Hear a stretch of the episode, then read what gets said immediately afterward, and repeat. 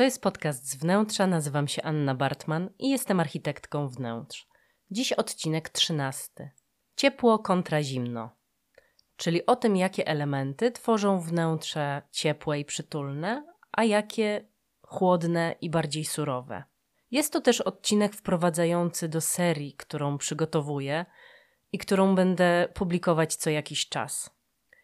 Będą to odcinki opowiadające o stylach wnętrz. I właśnie na przykładzie tego odcinka chciałabym wprowadzić Was troszkę w klimaty ciepłe i zimne, tak abyście mogli odczuć, co dla Was jest najlepsze i ewentualnie jaki styl mógłby być Wam najbliższy. W swoim projektowaniu staram się nie mieć określonego stylu. Ale oczywiście moje projekty są w jakiś sposób rozpoznawalne i mają powtarzalne elementy. Tak jak już mówiłam Wam wcześniej, lubię stosować czerń, lubię też ciepłe odcienie, ale w zimnych też czuję się ok. Chyba najbliższe są mi naturalne materiały. To, co stworzyła natura, jest piękne i ponadczasowe, ale design nie jest mi obcy i też lubię rzeczy stworzone przez człowieka. Najbardziej te, które właśnie powstają z takich bardziej naturalnych form i są zainspirowane naturą. Właściwie każdy element wnętrza, czy jest ciepły, czy zimny, ma swoje plusy i minusy. Najbardziej lubię tworzyć wnętrza eklektyczne, czyli takie, które mm, powstają z wyniku połączenia różnych styli. Ale najważniejszy jest dla mnie człowiek, ten, który jest po drugiej stronie całego przedsięwzięcia.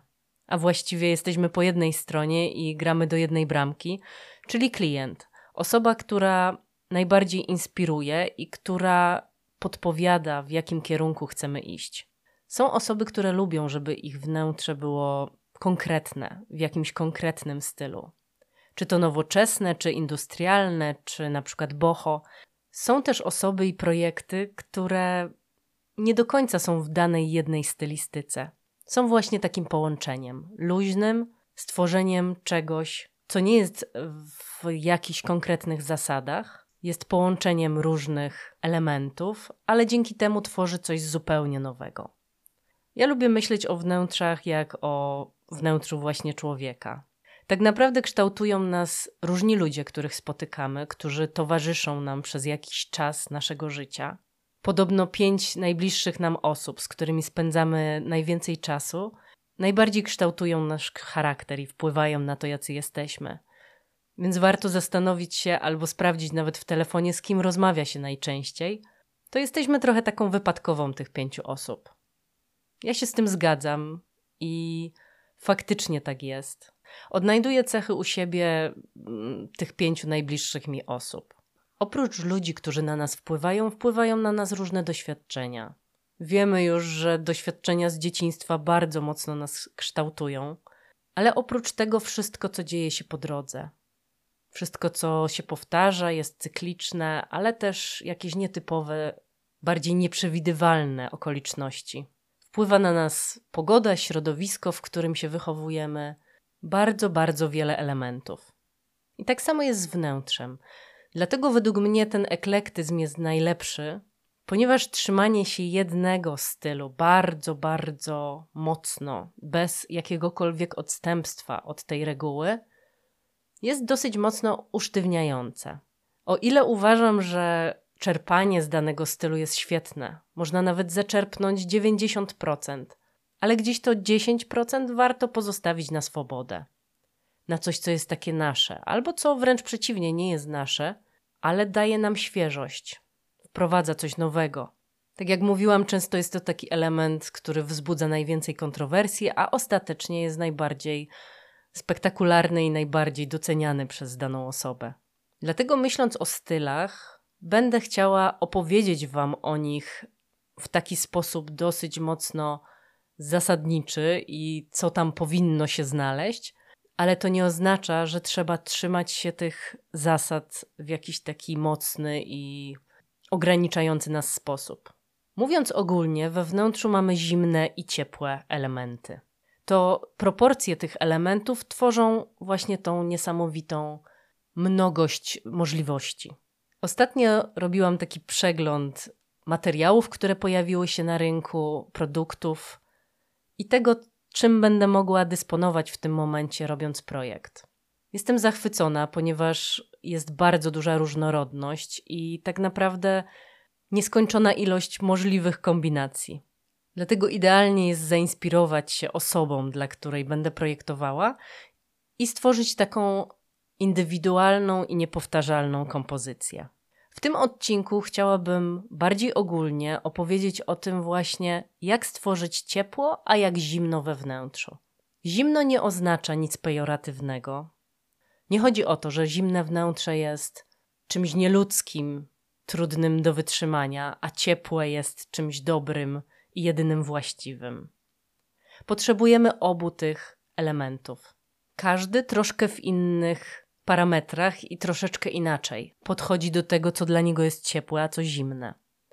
Ale są pewne rozwiązania, które zawsze dają określony kierunek. Są też style wnętrz, które są typowo ciepłe i takie, które są typowo zimne.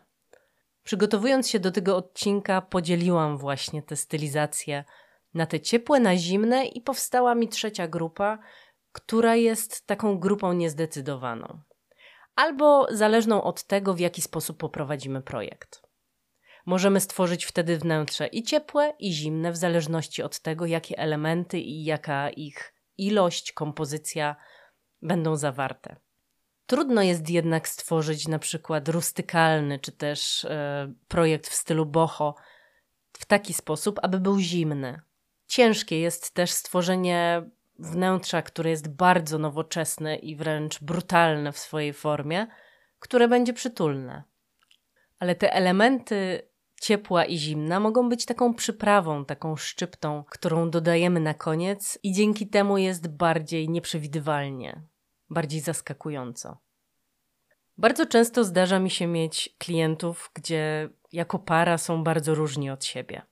Ona na przykład chciałaby, żeby wnętrze było przytulne, ciepłe, z mnóstwem bibelotów. On z kolei, żeby było nowoczesne i bardzo mocno poczyszczone i takie pochowane elementy w szafkach, czyli nic właściwie, żeby nie pojawiało się na zewnątrz.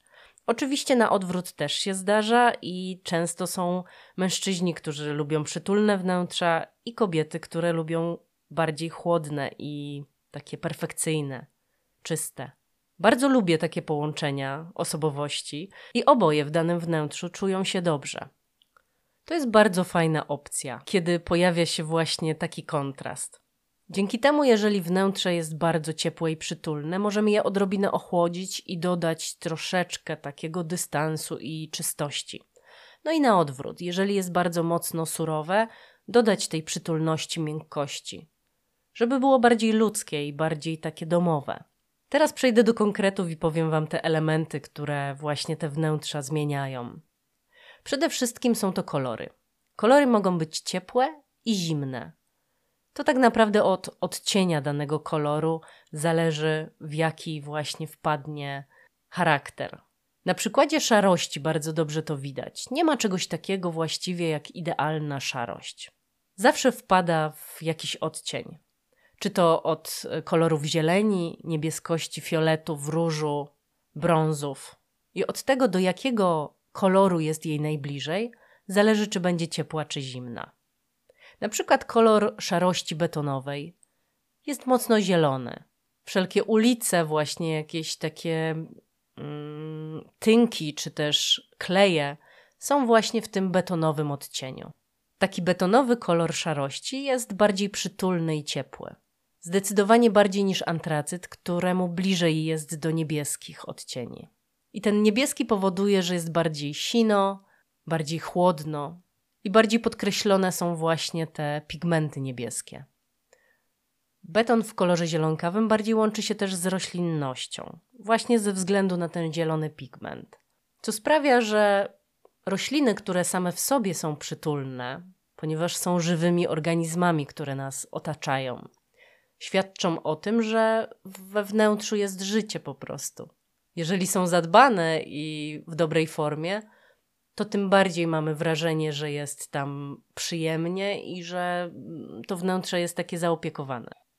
Myślę, że jednym z kluczowych błędów, które popełnia się przy projekcie wnętrza, w którym szarości królują, to mieszanie ciepłych i zimnych odcieni. Oczywiście można to zrobić dobrze, ale jest to niezwykle trudne. I mam wrażenie, że najlepiej to zrobić przechodząc po kolei różnymi odcieniami od ciepłego do zimnego. Czasami tak się dzieje ze względu na to, że nie wszystkie produkty występują w ciepłych i zimnych odcieniach. Jeżeli dojdzie do tego niższy budżet, to tak naprawdę tego wyboru mamy jeszcze mniej. Najbardziej designerskie i takie marki z najwyższej półki charakteryzują się tym, że mają niezwykłą gamę kolorystyczną swoich produktów. Właśnie od zimnych po ciepłe odcienie. Dzięki temu możemy dopasować to idealnie i ten projekt wchodzi na wyższy poziom. Dlatego w przypadku szarości musimy dokonać decyzji. Podobnie jest z bielami. One też wpadają w ciepłe i zimne tonacje. Taka podstawowa biel, której używamy we wnętrzu, jak dla mnie powinna być ciepła. Najlepiej wtedy wygląda nasza skóra, najlepiej się czujemy. Ale w próbniku często taka biel wygląda na wręcz taką beżową i bardziej ekri. Natomiast na ścianie, jeżeli nie ma w obecności jej bardziej zimnych tonacji, będzie wydawała się bardzo neutralną, czystą bielą. Jeżeli natomiast chcemy, aby ta biel była troszeczkę chłodniejsza, to trzeba pamiętać, że będzie ona wpadała w biel bardziej niebieską. Świetnie to widać na przykładzie na przykład sukienek białych, czy to sukni ślubnych, czy jakichś komunijnych, czy też jakichkolwiek sukni właśnie w tym kolorze. Wiemy, że im bardziej ciepły odcień bieli, im bardziej taki wyszukany i szlachetny, tym bardziej ekskluzywnie wygląda ta sukienka. Natomiast tania biel to często biel właśnie niebieska. Takie mamy skojarzenia i w związku z tym trochę negatywnie podchodzimy do tych zimnych bieli. Jeśli chodzi o kolory, to one również są albo ciepłe, albo zimne. Ciepła paleta to przede wszystkim czerwienie, żółcienie, brązy, pomarańcze. Róże są takie w zależności od tego, czy będą miały zimne pigmenty, czy ciepłe. Podobnie z fioletami. Natomiast chłodniejsze są zielenie, niebieskości, jakieś turkusy. Czernie, szarości i biele są w zależności od tego właśnie też, w którym kierunku bardziej pójdzie ten odcień. Ale możemy mieć zimniejsze czerwienie, cieplejsze, możemy mieć chłodniejsze lub cieplejsze zielenie i niebieskości. Granat może być ciepły lub zimny. Dlatego sam kolor nie jest wyznacznikiem czy będzie ciepło, czy zimno. Ważne jest, w jakim jest otoczeniu. Jeżeli chodzi o materiały bardziej metaliczne i stalowe, to tutaj też możemy zdecydować się na coś, co będzie bardziej ciepłe lub zimne. Dużo zależy od tego, czy to będzie w połysku, czy w macie. Elementy matowe są bardziej ciepłe, elementy w połysku są bardziej zimne. Jeżeli do tego wybierzemy chrom, czyli metal, który jest w połysku w srebrze, to ten zimny element będzie najbardziej podkreślony. Baterie mogą być też złote, miedziane, brązowe. Złoto może być szczotkowane lub polerowane. To szczotkowane będzie znowu cieplejsze, to polerowane chłodniejsze. Baterie mogą być białe, czarne, matowe lub w połysku. Czarny połysk jest chłodniejszy niż czarny mat, ale czarny mat, który jest gładki, będzie chłodniejszy niż czarny mat w strukturze lub w jakimś mocniejszym rozrzeźbieniu.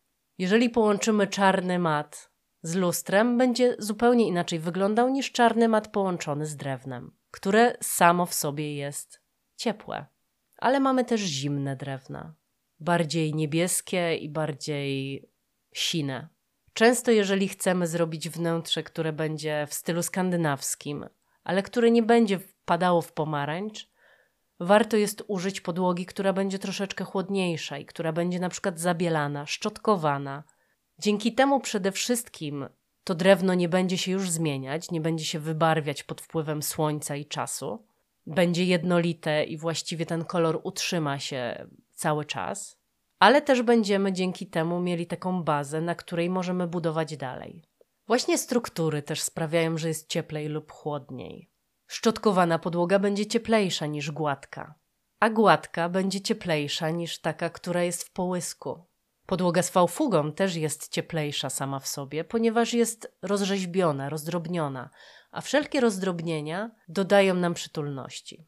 Dobrym przykładem są tutaj na przykład biblioteczki z książkami, czy też ściana z cegieł.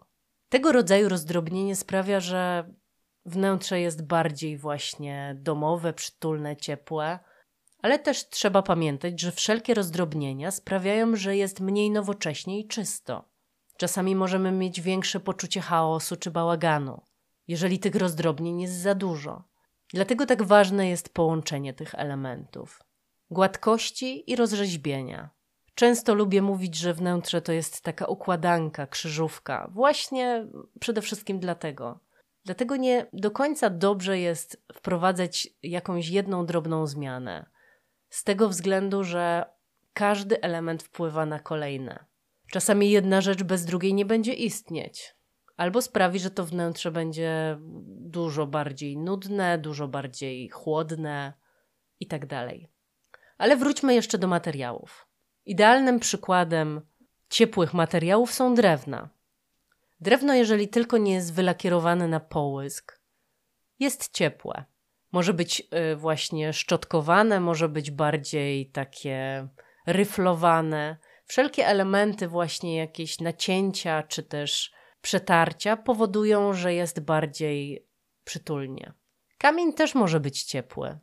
Natomiast zazwyczaj, aby taki efekt uzyskać, musi to być kamień łupany albo w jakiś sposób młotkowany. I na pewno matowy. Wszelkie polerowane marmury, granity, onyksy są kamieniami, które nadają nam chłód, dystans, pewnego rodzaju prestiż. Prestiż to takie chłodne słowo, ale niektóre wnętrza powinny być prestiżowe właśnie. I wtedy dobrze jest, jeżeli tych chłodnych elementów jest troszeczkę więcej. Na szczęście mamy teraz takie czasy, gdzie ten prestiż nie zawsze musi łączyć się z czymś bardzo, bardzo zimnym, nowoczesnym. Coraz bardziej wnętrza, które są bardziej naturalne, są też prestiżowe. Nie jest to takie jednostronne. Myślę, że trochę czas pandemii i oddalenia się od natury sprawił, że zaczynamy doceniać i zaczynamy czuć, że to, co jest ekskluzywne, nie musi być sztuczne i chłodne. Wręcz przeciwnie. Często jest naturalne i ciepłe. Myśląc o takich synonimach słowa ciepło, przyszło mi na myśl kilka słów. Zastanówcie się, jak czujecie te słowa. Czy one z wami rezonują i które?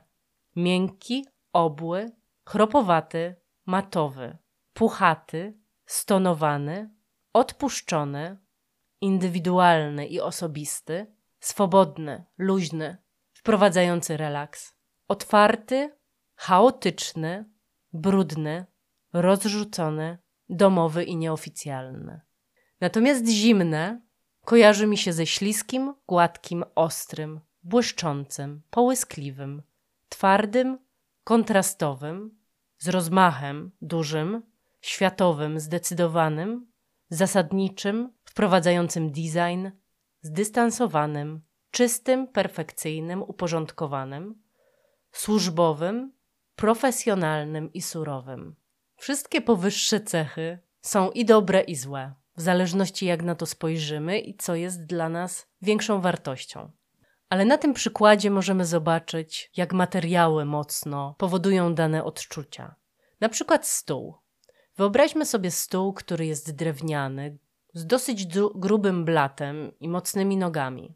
To drewno jest szczotkowane, czyli jest takie nierówne. Widać, że ten stół jest wiekowy, że troszeczkę przeszedł, że są jakieś elementy odłupane, ale też elementy, które sprawiają, że widzimy w nim historię.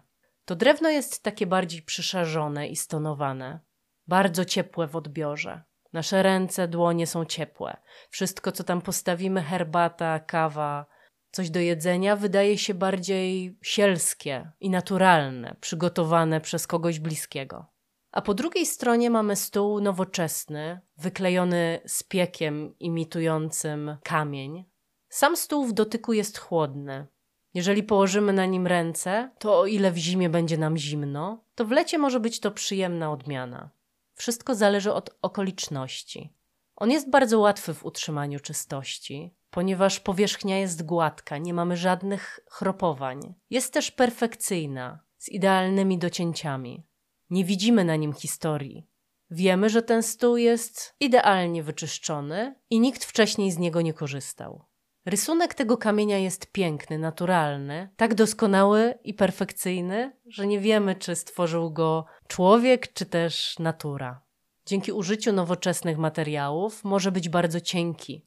Zarówno blat, jak i nogi wydają się tak lekkie, wręcz niemożliwe do stworzenia. Wszystko, co jest położone na tym stole, wydaje się bardziej eleganckie i ekskluzywne, chłodne, ale też designerskie. Myśląc o tych dwóch stołach, ja mam tak, że nie do końca potrafię wybrać. Podobają mi się obydwa klimaty, ale w zależności od tego, czego oczekiwałabym w danym momencie, wybrałabym jeden lub drugi. Pod kątem ciepła, takiego fizycznego, na pewno jest mi bliższy stół drewniany. Nie do końca lubię dotyk zimnego materiału, więc te elementy, które są bardziej w kontakcie z ciałem, lubię, kiedy są ciepłe, przytulne i bardziej miękkie. Natomiast te, na które patrzymy, mogą być chłodne, idealne do wyczyszczenia. Ale ciekawa jestem, jak wy to czujecie. Tak jak mówiłam, nie ma dobrych i złych odpowiedzi. I ciepło, i zimno, jedno i drugie jest ok. Tylko zastosowane w dobry sposób, w dobrych proporcjach, z takim myśleniem o tym, co dana rzecz powoduje. Kluczowym elementem we wnętrzu jest oświetlenie. Czy barwa światła będzie ciepła czy zimna? Czy lampa i jej klosz będzie w charakterze ciepły czy zimny, z materiału ciepłego czy zimnego? Nad ciepłym czy zimnym stołem? Jest tyle możliwości. No i też kolejnym tematem jest to, do czego zmierzam w tym odcinku, czyli style wnętrzarskie. Naliczyłam ich kilkanaście i te, które są chłodne, to te, które są bardziej designerskie i nowoczesne. Najbardziej zimnym, jak sądzę, stylem wnętrzarskim jest brutalizm czyli taki styl, w którym użyte są bardzo surowe materiały, takie brutalne w odczuciu, czyli jakieś betony z elementami na przykład prętów e, wystających, czy też jakieś elementy, które wyglądają trochę jak niezagospodarowana piwnica na przykład. Fabryka opuszczona. Coś, co zostało właśnie opuszczone ze względu na jakiś wybuch nuklearny na przykład. Czyli takie elementy, które są postapokaliptyczne, bym powiedziała. Czasami są takie budowle, które są niedokończone. Opuszczone stare budynki, gdzie właściwie już wkrada się zieleń, a okna nie zostały wprawione, budynek nie został ocieplony, otynkowany. O instalacjach nie było mowy. I to są właśnie takie brutalistyczne elementy pejzażu. Ja osobiście bardzo lubię patrzeć na takie miejsca, Krakowie jest kilka takich budowli, które z różnych względów nie zostały wykończone. Często jest tak, że myśląc o tych e, budynkach, trochę brakuje mi tego, żeby nie wykańczać niektórych e, inwestycji, żeby zostawić je na etapie takim brutalnym. Ale zdaję sobie sprawę, że to nie jest design dla wszystkich i nie każdy czułby się dobrze w takim, czy to wnętrzu, czy budynku. Chłodny jest też styl nowoczesny, na pewno bardziej chłodny niż te ciepłe style.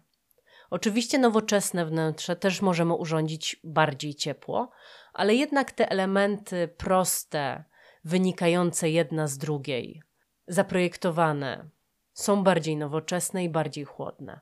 Styl designerski, w którym mamy bardzo dużo elementów takich mocno zaprojektowanych, oraz styl minimalistyczny gdzie właściwie większość rzeczy jest pochowanych. Formy są proste, nieprzesadzone, a ilość elementów jest mała. Oczywiście minimalizm może być cieplejszy, jeżeli te formy są bardziej obłe, naturalne i tak ale jest to ewidentnie styl, który dąży do tej granicy chłodu, do tych chłodniejszych krain. Jeżeli chodzi o ciepłe style, to przede wszystkim jest to boho. Wnętrza takie są bardziej plecione, naturalne, wiklinowe, bawełniane, w ciepłej kolorystyce beży i takich karmelowych odcieni. Rośliny, które tam się pojawiają, nawiązują bardziej do ciepłych rejonów Europy na przykład. Czyli są to na przykład bananowce albo trawy. Styl Japandi, czyli taki, który łączy w sobie rzeczy z przeszłością, takie właśnie bardziej sfatygowane, oraz takie, które są bardzo mocno osobiste, na przykład stworzone przez właściciela. Ale styl też ma taki charakter bardziej brudny, trudny do wyczyszczenia. W kolorystyce też brudnych odcieni. Myślę, że trochę to ciepło wynika też z takiego odpuszczenia. I według mnie trochę z tego wynika też ten charakter. Styl kolonialny, który jest ciemniejszy, bardziej zadymiony, głównie ze względu na kolorystykę i użyte materiały, gdzie królują właśnie drewna, takie przypalone, osmolone oraz welury. Drewna właściwie jest maksymalna ilość. Jeśli tylko jest możliwość, to jest na ścianach, sufitach, podłogach. Uzupełnione o ciepłe światło sprawia, że chłodu tam raczej nie odczujemy. Takim ewidentnie ciepłym stylem jest jeszcze styl Hampton, czyli ten nadmorski klimat amerykańskich posiadłości. A za nim styl śródziemnomorski czy orientalny, czyli nawiązujący do podróży, ale raczej w te ciepłe strony. Orientalny to na przykład Maroko, a śródziemnomorski, no to tutaj mamy wszelkie krainy Morza Śródziemnego. Grecja czy Włochy królują. Styl klasyczny też jest według mnie z tych ciepłych, głównie dlatego, że właśnie użyte jest drewno, materiały, wszelkiego rodzaju materiały w paski, kratki, coś co było przez lata modne, też raczej w tych ciepłych tonacjach. W stylu klasycznym też mamy dosyć dużo bibelotów, wszelkiego rodzaju frędzli, chwostów i różnych rozwiązań, które są bardzo mocno rozdrobnione. Często też pojawiają się biblioteczki, biurka, dywany, wszystko, co tworzy ciepłe wnętrze. Także zasłony, firany, klosze, e, bardziej materiałowe. Są też style, które są bardziej pośrodku i zależą tak naprawdę od tego, w którą stronę pójdziemy. Jak będzie zaprojektowane to wnętrze. Styl industrialny sam w sobie jest chłodny. Mamy dużo stali, mamy sporo e, szarości, czerni, Natomiast oprócz tego mamy drewno i roślinność. Mamy też cegły, czyli elementy bardziej rozrzeźbione. Oraz żarówki w stylu Edisona, czyli takie właśnie, które mają widoczny żarnik i odcień tego światła jest bardziej ciepły. Jak w standardowej, takiej podstawowej i wręcz historycznej żarówce. Dlatego według mnie styl industrialny bardziej zmierza w kierunku ciepła. Z kolei styl glamour jest takim stylem, który jest pośrodku, ale najczęściej zmierza w kierunku zimna, czyli tej elegancji, czegoś, co jest bardziej sztywne. Sofa jest bardziej taka do siedzenia na chwilę, a nie do rozgoszczenia się i e, jakiegoś takiego polegiwania. Głównie ze względu na to, że w tym stylu chcemy stworzyć wnętrze, które będzie reprezentacyjne, które będzie dawało prestiż. Więc rozrzucone, pogniecione poduszki, które byłyby z materiału mm, takiego jak len na przykład i nie wyglądają dobrze, wyglądają jakby były wyprane i niewyprasowane. To nie są elementy, które ten styl glamour będą tworzyły. Raczej zależy nam tutaj na elegancji, na tym, żeby wszystko było odprasowane. Jest natomiast taki styl glamouru, który nazywamy nowojorskim stylem. I tutaj mamy dużo więcej swobody. Mamy owszem meble, które są z chromem, które są bardziej stylizowane, mamy dużo połysków, ale też możemy połączyć to z bardzo naturalną kompozycją barw, czyli beże szarości, jakieś takie bardzo naturalne zielenie e, czy róż. Uzupełnione to jest wszystko roślinnością i bardzo dużą ilością bibelotów. Te bibeloty często są w takiej kompozycji powtarzalnej, czyli mamy jakieś serie.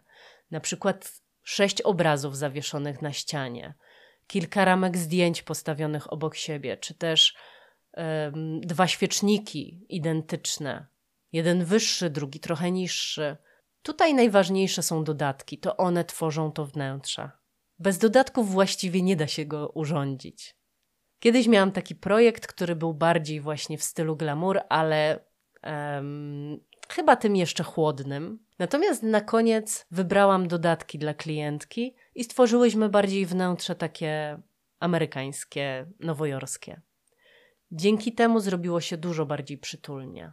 W tym nowojorskim stylu mamy też kontrasty. Czerń połączona jest z chromem, ale też z beżem, szarością, zielenią, granatem. Te czarne elementy, w zależności od tego, czy są matowe, czy w połysku, czy są cienkie, czy grube, kierują nam wnętrze w dany, w dany sposób. Mówiłam już o stylu klasycznym, który według mnie jest bardziej ciepły, natomiast styl vintage, czyli taki nawiązujący, ale niekoniecznie do tych bardzo zamierzchłych epok, tylko właśnie lata 70., 80., 60., już niedługo 90.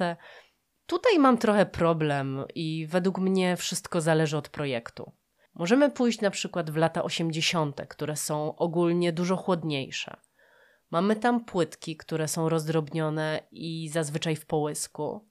Wzory, które są trochę bardziej psychodeliczne, bo te lata 80. były takie, zarówno w muzyce, jak i w sztuce. Bardziej punkrockowe. Dlatego vintage to jest dosyć trudny temat i trudny styl. Bardzo ważne jest, jak go czujemy. Czy czujemy go bardziej punkowo, czy czujemy go bardziej klasycznie. Warto się nad tym zastanowić. Mamy też styl bardzo znany i swego czasu bardzo lubiany w Polsce styl skandynawski, czyli taki, który jest na bazie chłodu, na bazie bieli, ale pojawiają się tam drewna. I to są dwa elementy, które tworzą najczęściej tą Skandynawię. Skandynawia sama w sobie, jak wiemy, nie jest zbyt ciepła. Jest bardziej pochmurna. Czasami dzień tam wygląda przez cały rok tak samo. Jakby ktoś nałożył biały matowy klosz i właściwie słońce jest takie rozproszone, nie wiadomo gdzie się podziały promienie. Dlatego ten styl, o ile kojarzy się z ciepłem, kojarzy się z Ikeą na przykład, to bardzo wiele zależy od tego, jak będzie wypełniony, czym, jaka będzie baza, jakie będzie światło, czy będzie dużo dodatków, czy one będą mechanicznie wstawione, czy bardziej emocjonalnie i indywidualnie. No i ostatni styl, styl eklektyczny, czyli takie połączenie różnych stylów, różnych styli. Na pewno nie warto łączyć wszystkich, nie, nie warto łączyć więcej niż trzech, z tego względu, że robi się bardzo mocno kakofonicznie, chyba że chcemy, żeby było tak dziko i bardziej ekscentrycznie. Ale wtedy połączenia kolorystyczne są potrzebne, czy też formalne, jeżeli formy są bardziej morficzne, czy bardziej obłe lub bardziej kanciaste. Jakieś połączenia są konieczne. I tą spójność nie jest tak łatwo zbudować, jeżeli właśnie będziemy wybierać różne rzeczy. Czasami dobrze jest się trzymać jakiegoś konkretnego stylu, ale nie mamy też wtedy takiej swobody, wolności. Sami widzicie, że jest bardzo dużo tematów, które są wokół wnętrz. Bardzo dużo decyzji. Dlatego mam wrażenie, że projekt wnętrza to jest naprawdę duży, milowy krok w życiu każdego człowieka. Cieszę się, że mogę towarzyszyć i trochę ułatwić te decyzje, a przede wszystkim zwrócić uwagę na to, nad czym warto się zastanowić. Bo jeżeli nie podejmiemy żadnej decyzji, to ona podejmie się sama. Po prostu rezygnując z czegoś, no zawsze coś wybieramy. Nie wybierając, i tak wybieramy. Dlatego zastanówmy się, czy chcemy wolności i swobody, czy raczej chcemy, żeby to wnętrze było bardziej perfekcyjne, bardziej uporządkowane, ale też wprowadzające pewne zasady, które nas będą ograniczać. Krystyna, zasady czy wolność? Luz czy porządek? I przede wszystkim, czy musimy wybierać? Czy w tym luzie nie może być porządku, a w tym porządku luzu? Dla mnie właśnie wyważenie tych proporcji jest najważniejsze. I nie wyobrażam sobie, żeby można było to zrobić bez skupienia się na osobie, która będzie tam mieszkać. No bo to nie jest wnętrze dla mnie, to jest wnętrze dla tej osoby. Bardzo Wam dziękuję za towarzyszenie mi w tym odcinku i mam nadzieję, że pozwoli on Wam skupić się na sobie, odnaleźć swoje właśnie punkty, które mogą stworzyć to wnętrze takie spójne z Wami.